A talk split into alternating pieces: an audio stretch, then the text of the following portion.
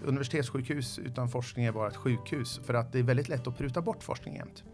Eh, klinik, patienter vinner alltid i det korta skedet i varje fall. Att ser man bara hur ska vi överleva dagen idag och imorgon? Ja, men då plockar vi bort lite forskningstid och vi gör någonting sånt. Men det är också den stora fällan att falla i att man gör det för att då kommer vi göra idag precis som vi gjorde igår, även om tio år. Det händer ingenting, det finns ingen utveckling. Sjukvården står inför enorma utmaningar. För att behålla nuvarande personaltäthet i kommuner och landsting bedömer SKL att det behövs upp till 50 miljarder kronor bara de närmsta tre åren. Orsaken är framförallt en växande befolkning och en åldrande befolkning samtidigt som vi inom sjukvården kan göra mer, erbjuda mer till varje patient. Hur ska den ekvationen gå ihop? Ja, om du frågar dagens gäst i Salgrenska podden, Roger Olofsson Bagge, så är forskning en viktig del av svaret. Roger är kirurg, sektionschef och forskare på Salgrenska universitetssjukhuset och jag som intervjuar heter Anders Goliger. Välkommen hit till Salgrenska podden, Roger Olofsson Bagge. Tack så mycket. Berätta, du är läkare här på sjukhuset och vad gör du egentligen? Jag är eh, sektionschef för bröst och melanomteamet och är kirurg och ansvarar då för just bröstcancer och malignt melanom.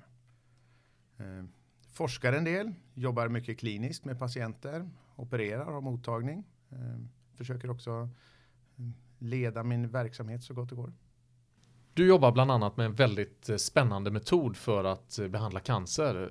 Kan du inte berätta lite om den? Då pratar vi om isolerad hyperterm perfusion eh, och det är ju förstås mitt favoritområde så jag är glad ja, att du tog upp det. var en väldigt säljande rubrik på det också. Ja. Men det är en metod att koppla bort kroppsdelar med cancer. Eh, det vi gör är framförallt armar och ben som innehåller cancer i sig. Det kan vara malignt melanom eller mjukdelssarkom, mjukdelstumörer som man helt enkelt inte kan operera bort. Eh, vi gör också detta på levrar. Eh, Idén är då att man isolerar den här kroppsdelen från resten av kroppen och kopplar den till en hjärt-lungmaskin. Så att patienten är sövd eh, och mår bra. En del av kroppen är då kirurgiskt bortkopplad via slangar helt enkelt. Man stoppar in slangar i blodkärlen, i artären och venen kopplat till en hjärt-lungmaskin. Och sen sköljer vi den här kroppsdelen med dödliga doser av cellgift. Sen skölj, och så värmer man upp extremiteten eller armen eller benet till 40 grader. Man sköljer under en timmes tid och sen sköljer vi bort cellgifterna. Och då innebär det att patienten som har cancer i en, i en specifik kroppsdel har fått en ordentlig cellgiftsbehandling men bara just där och har inga biverkningar i resten av kroppen. Tappar inte håret, mår inte illa eller någonting sådant. Eh, och det här fungerar väldigt, väldigt bra på flera olika tumörformer som vi då har. Och nu sen något år tillbaka så är Sahlgrenska också det enda sjukhuset i Sverige som erbjuder den här behandlingen och det är via en nationell nivåstrukturering. Så det är vi lite stolta över då. Funkar det? Ja, det funkar jättebra. Om man tittar på malignt melanom som är den vanligaste orsaken och då är det inte de här vanliga hudfläckarna utan det är när de kommer tillbaka och sprider sig. Vi kallar det för intransitmetastaser. De sprider sig ytligt i lymfbanor. Det kan bli hundratals stora såriga tumörer. Fruktansvärt tillstånd. Och då brukar vi säga att ungefär två, tredje, två tredjedelar av eh, patienterna blir helt av med sin tumör. Otroligt. I jag, armen. Men det är inte det enda sättet malignt melanom kan komma tillbaka. Det kan komma i lungorna eller vad som helst också på andra sätt. Precis. Men det är just den här specifika metastasen eller vad man säger. Ja.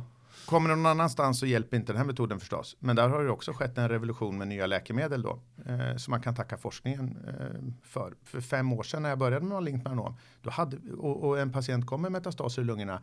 Ja, då hade vi egentligen ingenting att erbjuda. Idag så pratar vi om att vi botar 40% av patienterna med spridd cancersjukdom. Det är ju en revolution. Jag menar, det, det, finns ingen cancer som är spridd sjukdom som vi egentligen kan bota eller med några få undantag, men i princip inte.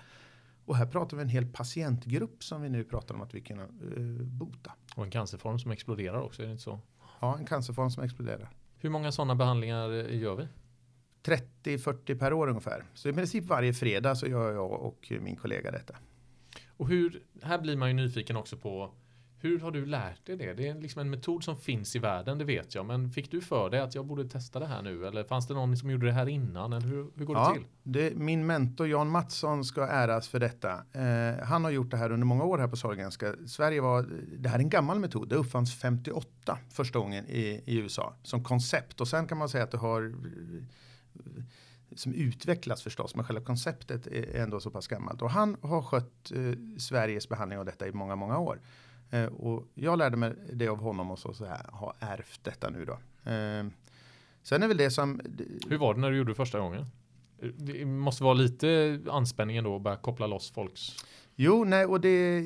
Organ och leder. Jo, men det är så. Alltså, visst är det så. Men det är som med allt sånt där. Det, kirurgi låter alltid så. Eh, om man nu inte sysslar med det så låter det skräckinjagande på något sätt. Eh, men eftersom man sakta slussas in i det så står man ju inte där helt plötsligt själv en dag. Utan en dag står man där och då gjorde man allting själv visade sig i efterhand. Och så, ja, då gick ju det. Och, och så, så det är ju inga sådana markerade brytpunkter. Men visst. Eh, Alltså mitt bidrag i det, nog, det är nog att vi har beforskat detta efter att ha tagit över det. Vi publicerar i princip en artikel var tredje månad om den här behandlingen. Vi är ett av de största centren i världen och eh, så, ah, faktiskt hjälper till på riktigt att driva utvecklingen av just den här behandlingsmetoden framåt. Så det är också en sån här stolthet som jag kan tycka att vi kan som, sätta på kartan. Vi hade en hel session på det stora amerikanska mötet som var The Gothenburg Experience sammanfattade de det med när vi hade haft alla föreläsningar i en rad. Då.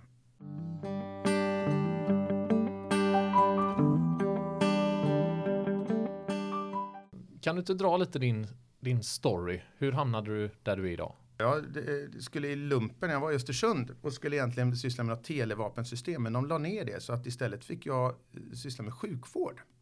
Och det ingick att vara på Östersunds lasarett i fyra veckor eh, och vara på akuten där och det var någonting som jag aldrig hade närmat mig förut. Eh, och då insåg jag att det här är väldigt roligt. Så, då sök, alltså, så, så det ändrade hela mitt mindset vad jag skulle göra framöver. Och så sökte jag in här och, och kom hit. Eh, så det var så det började. Men också det, jag gillade själva utbildningen. Eh, hela delen av det. Allt från att lära sig om hur celler och DNA fungerar till att eh, ta hand om patienter. Så att jag, jag måste säga att det var, och det varit en heltäckande utbildning. Så det får man som tacka universitetet för. Så här lite efterhand. Och eh, väldigt tidigt så hade jag många av mina mentorer som sa att ja, forskning är viktigt. Alltså, du, du, måste komma in i det. Och det var som en, alltså, man, alla insåg att ja, men det, det var, man var tvungen att, att, starta som en forskningskarriär och att det var viktigt. Eh, och det blev jag också hooked på. Eh, så jag har ägnat mig åt eh, forskning och dels klinisk forskning, patientnära forskning men också eh, mer laborativ forskning under egentligen hela min karriär här och sett det som egentligen den stora ynnesten av att överhuvudtaget vara på det här sjukhuset. Att det finns enormt mycket att göra. Det finns enormt mycket resurser. Enorm mängd smarta människor som, som faktiskt som kan detta. Så det räcker med att gå till matsalen och sätta sig vid ett bord som man inte brukar sitta vid. Så får man lära sig nya saker. Och varför ska vi då hålla på så mycket med forskning? Det är för att vi tror att vi gör rätt idag. Det är väldigt eh, lätt att tro att precis så som vi behandlar en patient idag är det mest effektiva och det bästa sättet. Historien visar ju ofta att vi har alldeles fel i den analysen. Vi har ju alltid gjort fel egentligen, för det blir alltid bättre. Och det som leder till att vi inte, eller alltså det som leder den här utvecklingen är forskning. Och det måste inte vara den mest banbrytande forskningen överhuvudtaget, utan det kan vara utveckling, om man nu ser det, att vi vi, vi kanske inte måste ha den, just det här systemet. Vi kallar alla patienter på återbesök på ett rutinsätt. En del av dem vill inte komma. Vi kanske räcker med att ringa dem i telefon eller de kanske bara vill ha ett sms eller de kanske bara vill läsa själv på eh, 1177. Det är kanske inte forskning direkt, fast men det på något sätt faller inom ramen forskning och utveckling. Sen kan man se, var kommer alla nya läkemedel? Eh, inom bröstkirurgi, ja, vi opererar alla patienter idag framtiden är medicinsk behandling först. Får de här tumörerna krympa, antingen krymper de bort helt, då behöver vi aldrig ens operera dem. Eller så krymper de så, så, att de blir så små så att vi kan operera bort dem på andra sätt än att uh, skära med skalpell. Så att jag ser en, en framtidsutveckling inom uh, bröstkirurgin då där uh, antingen är det så att vi har vi uppmanar alla kvinnor att gå på mammografiscreening. Då hittar vi tumörer som är 3, 4, 5 millimeter stora. Och då förstår man att en liten ärta i ett bröst och så ska vi göra en stor operation för att få ut den. Den patienten kan antagligen i, bara om tio år bli botad egentligen samma dag som hon får sin diagnos. Genom att man via radiologiska principer, ett litet snitt i huden och så går man in med ett verktyg och plockar bort den här, så här minimalinvasivt. Eh, och de stora tumörerna som är 5 cm, de krymper vi så att de blir 5 mm.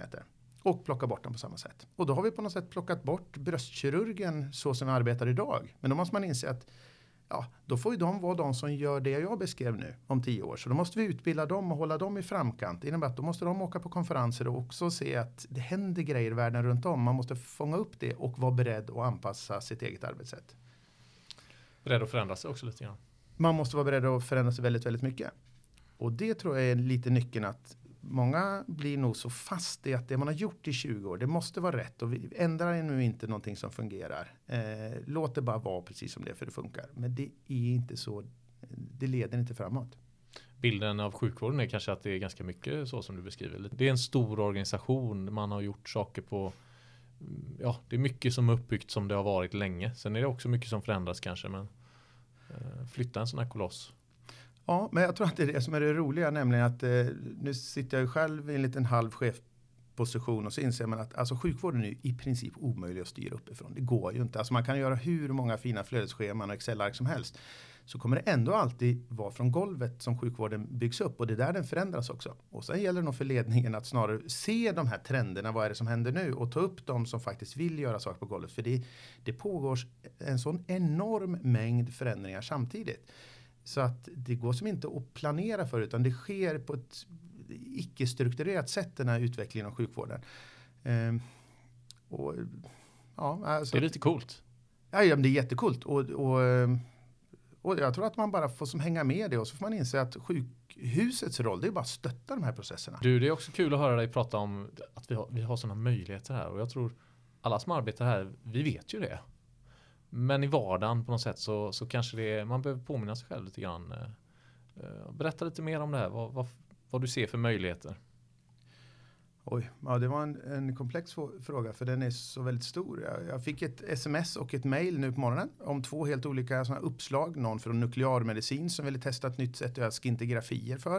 Eh, Vad är det? Ja, det är ett sätt att undersöka lymfkörtlar i bröstcancer och, och eh, han hade någon teori om någonting. Det var bara ett sms, men bara för att alltså så två grejer som folk vill göra på det här sjukhuset på, på en hel förmiddag, precis innan vi sitter här. Två helt olika. Vi har precis suttit med en annan person som har ett eh, förslag där vi ska lägga till en hjärtmedicin till behandling av eh, malignt melanom. En betablockerare. Det, finns hur mycket som helst, man kan nästan bara tänka ut vad som helst. Så finns det någon på den här tomten som kan det. Och så handlar det bara om att få till de där mötena och bjuda lite på sig själv, sin egen kunskap. Eh, så ja, det, det går.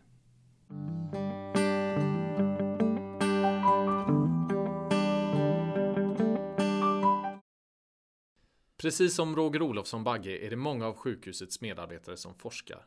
Och forskningen den görs ofta i samarbete med Sahlgrenska akademin, vid Göteborgs universitet eller med Chalmers. I våras kom en rapport från Vetenskapsrådet som bedömde den kliniska forskningen på landets alla universitetssjukhus. Och rapporten visade faktiskt att Västra Götalandsregionen rankades högst av alla.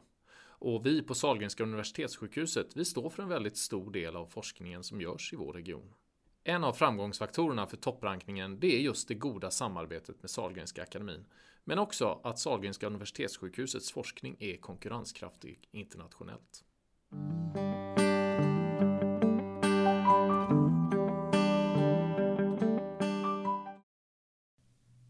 Du, är du stolt över att jobba på Sahlgrenska universitetssjukhuset? Ja, jag är jättestolt eh, på, på riktigt. Och de säger inte det här bara för att jag sitter här då. Alltså, jag försöker nog faktiskt beskriva att jag är stolt över att vara här. Och att eh, en gång sa jag att jag var made by Sahlgrenska och det ligger faktiskt en sanning. Jag är som uppfostrad, det här är som min hemstad eller vad man ska säga, alltså hemsjukhus. Det var, jag, jag har gått i de här kulverterna på nätterna och slitit och, och sådär. Så att på något sätt, och jag tycker sjukhuset har tagit väl hand om mig också. Så jag känner mig sådär, nej jag är stolt. Jag rekommenderar på riktigt folk, jag söker ju faktiskt aktivt folk hit och lockar hit dem. Och det gör jag inte för att vara ond utan för att jag tror faktiskt att de kommer få ett bra jobb. Så. Hur gör du för att locka hit folk? Nej, men jag försöker beskriva faktiskt att eh, alla vet att alla sjukhus, om man nu tittar i Sverige eller internationellt, har jättestora utmaningar framöver. Det är inget, alltså, och att man får jobba hårt för det, det är inget snack om saken. Men det jag lockar dem med det är faktiskt att då kommer det komma till en klinik, kirurgkliniken på Sahlgrenska, där, som faktiskt är beredd att satsa på olika saker. Att det inte att, att, om du har ett intresse som du drivs av och som vill utvecklas så kommer du med stor sannolikhet kunna få göra det här om du vill. Om du lägger den där lilla extra manken till så, så går det att göra saker och det, jag tror att mina nya kollegor var ett ganska ungt team på brösten att de faktiskt har känt av att nej, men det, det, det händer grejer där. Eh, och, då, och då sprids det ganska snabbt som ringar på vattnet. Att nej, men det är där det händer och då får man eh, förfrågningar utomlands ifrån och vill komma hit och så. Då, då Ja, så att... Du, hur får du ihop din, eh, din vardag? Nu har vi hört här, du är, du är chef, du är forskare. Och hur, hur många operationer, hur många opererar du i veckan? Ja, det vet jag faktiskt inte. Men eh, en handfull patienter i varje fall. Alltså jag brukar försöka ha i varje fall en eh, operationsdag i veckan och en dag med mottagning. En forskningsdag och så blir det lite MDT-konferenser och så är det alltid något möten och sådär. Men ungefär så ser det ut. En del kanske skulle tycka det var lite pressande eller stressigt. Jo, alltså det är det ju på ett sätt. Man, men på något sätt, allting, alla de här grejerna samlas ju mitt framför en på bordet och så gör man ju så gott man kan med allting. Patienterna gör alltid väldigt bra, men med resten som exempelvis att komma hit idag så då får man eh, trycker man in det någonstans och så eh, gör vi det. Ehm, och så får det väl vara med mycket, men det är, det är samtidigt väldigt kul. Fördelen med att vara chef, det kan jag ju säga. Det, för alla er som lyssnar som vill bli chefer att den stora vinsten är att man faktiskt lite styr sin tid själv. Det är en enorm frihetskänsla. Så även om jag jobbar mycket, jobbar jättemycket, eh, så kan jag ändå ah, lite så här åka hem och hämta barn och ska åka hit på kvällen. Alltså man kan ändå greja lite och, och det där är en eh, har man väl vant sig vid det så, så, betyder det faktiskt ganska mycket. Möjlighet att påverka sin vardag, det är väl en av de klassiska recepten för att få en bra arbetsmiljö. Ja. Uh, ja. Och vi kanske, ibland kanske vi har större möjligheter att påverka vår vardag än vi själva tror. Sådär. Jag, vet, jag vet inte riktigt. Det kan jag för dåligt, men det, det är klart det är en viktig komponent. Ja, det är en jätteviktig komponent och jag tror att eh, där ser det väldigt olika ut om man nu pratar sjukhuset. Eh, där jag tror att det är typ en av de frågorna om vi nu ska förbättra oss och, och titta på vilka medarbetare vill vi ha och hur ska vi få folk att stanna och, och, och uppleva detta så är det kanske just det att det, det, jag, jag, tror att man måste komma som närmare kärnverksamheten så att man förstår vilken, att man är en sån extremt viktig kugge. För ibland så tror jag att man kan tappa bort sig det. Man ser inte sin egen roll i det hela. Eh, och kommer man då närmare kärnverksamheten så det, då kan man också mycket mer påverka den. Vad tror du är en förutsättning för att trivas bra med att jobba på Sahlgrenska? Nej, alltså jag, jag tror att eh, ett måste man ha ett arbete som man känner av att man mäktar med. Det, det är nog väl, alltså så här, det, det, vi har på min klinik folk som har en enorm arbetskapacitet. Men ibland så ser man att även för de mest, eh, de har sån enorm arbetskapacitet som man kan beskriva och så lägger man på lite till. Och det, det är nog extremt farligt att man pushar det hela in i kaklet. Men om man har en rimlig arbetsbelastning, då handlar det nog mer om att en bra arbetsmiljö i form av kollegor som man kan spra, eh, prata och skratta med och alltså just den här utvecklingsdelen att folk känner att Nej, men här, vi kan bygga någonting här. Vi bygger någonting och vi gör det ihop. Och så gäller det att få till den känslan bara.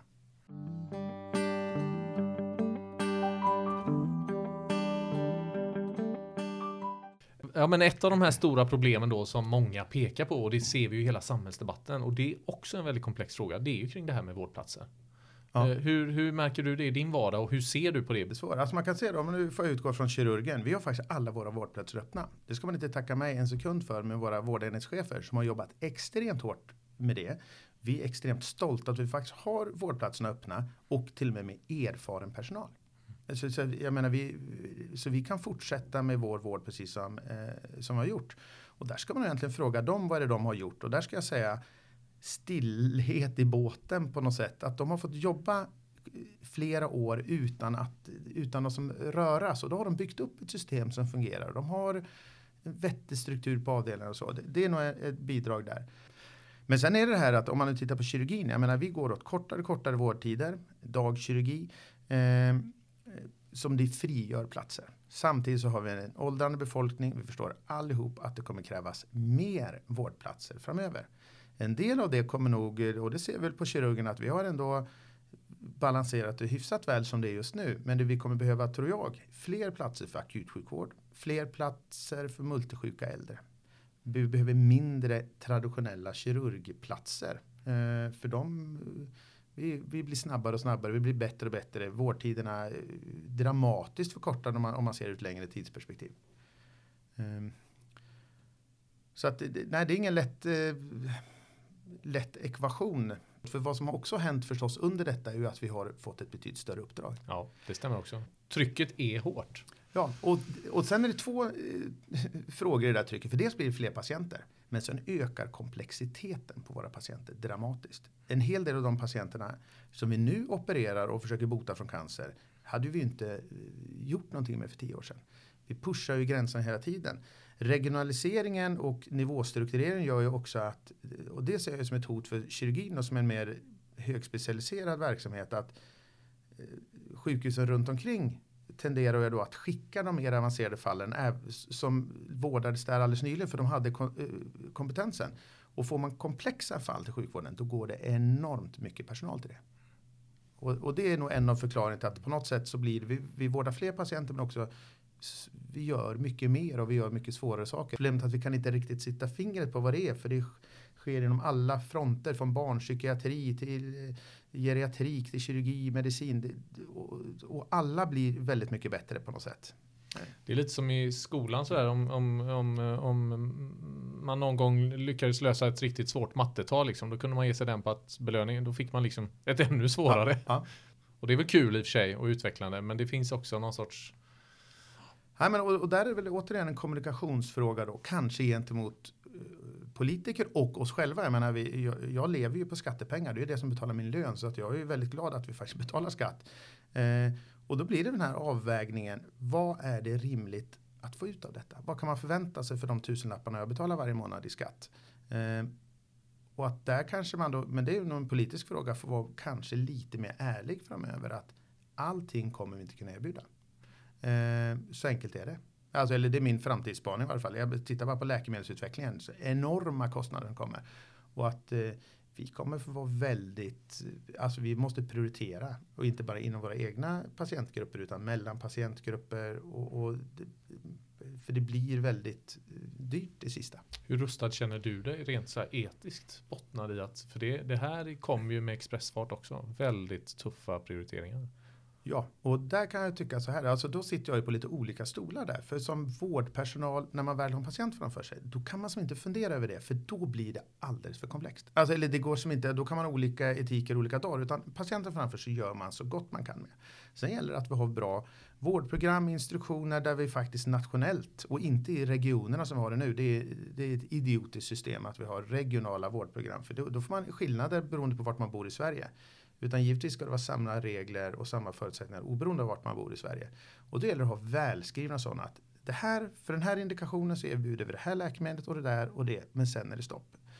Problemet är att jag tror att det kommer vara svårt. Alltså då, då ser man genast de här löpsidor. Eh, alltså mm. Journalisterna kommer att plocka upp den, den stackars ensamstående mamman med två barn som nu inte kommer få det senaste läkemedlet. Och då ska poli, eh, politikerna stå emot det då och stötta professionen. Jag hävdar att de enda som kan prioritera är professionen. För vi är de enda mm. som kan faktiskt väga detta. Och, det, och där blir det på något sätt, då, då gäller det att ha en, en väldigt stark medicinsk profession som kan stå upp för de eh, spelreglerna som vi har. Nämligen att vi har en budget, vi har detta och då tycker vi att inom ramen för detta så är det här och det här och det här som vi ska göra. Och så måste politikerna förstå att just det kan, ska man inte politiskt kunna påverka. För det är klart, någonstans bästa möjliga vård utifrån de resurser vi har. Det måste ju alltid vara uppdraget. Ja, och sen är det så här, jag sysslar med bröstcancer. Det, det har vi varje år. Det, alltså jag menar, det, det är lätt att jobba med bröstcancer. Det är, men jag menar kollegorna som jobbar med eh, svår missbruksproblematik. Ja, de har inte riktigt lika lätt att, att få resurser och så. Men vi kollegor oss emellan kan förstå det och, och ändå balansera det. Men ska man göra billiga poäng eller så, ja då väljer man bröstcancer. Vad skulle du göra om du var sjukhusdirektör för en dag? Oj. Alltså jag skulle nog inte ha gjort någonting. Det är nog det som är själva poängen med att vara sjukhusdirektör. Man ska vara riktigt krass för man ska inte fippla för mycket i, i verksamheten, alltså detaljstyra. Jag tror att vi har, och att, för det är då man går bort sig. Eh, min svärfar, eh, som nu tyvärr inte finns med oss längre, men han sa en gång att över läkare, advokater och arkitekter kan man inte vara chef. Eh, för det är fria yrken. Och vården är ett fritt yrke. För, eh, alltså vi, vi gör så gott vi kan överallt. Utan det handlar mer, alltså då ska jag eh, se till att bygga stöttande strukturer runt allting. Men att inte pilla i själva verksamheten. För den sköter sig bäst själv, konstigt nog. Tack för att du har lyssnat på Salgenska podden. Har du tips på ämnen eller intressanta personer som borde höras i podden? Hör av dig till mig anders.goliger vgregion.se Salgrenska podden, en podcast från Västra Götalandsregionen.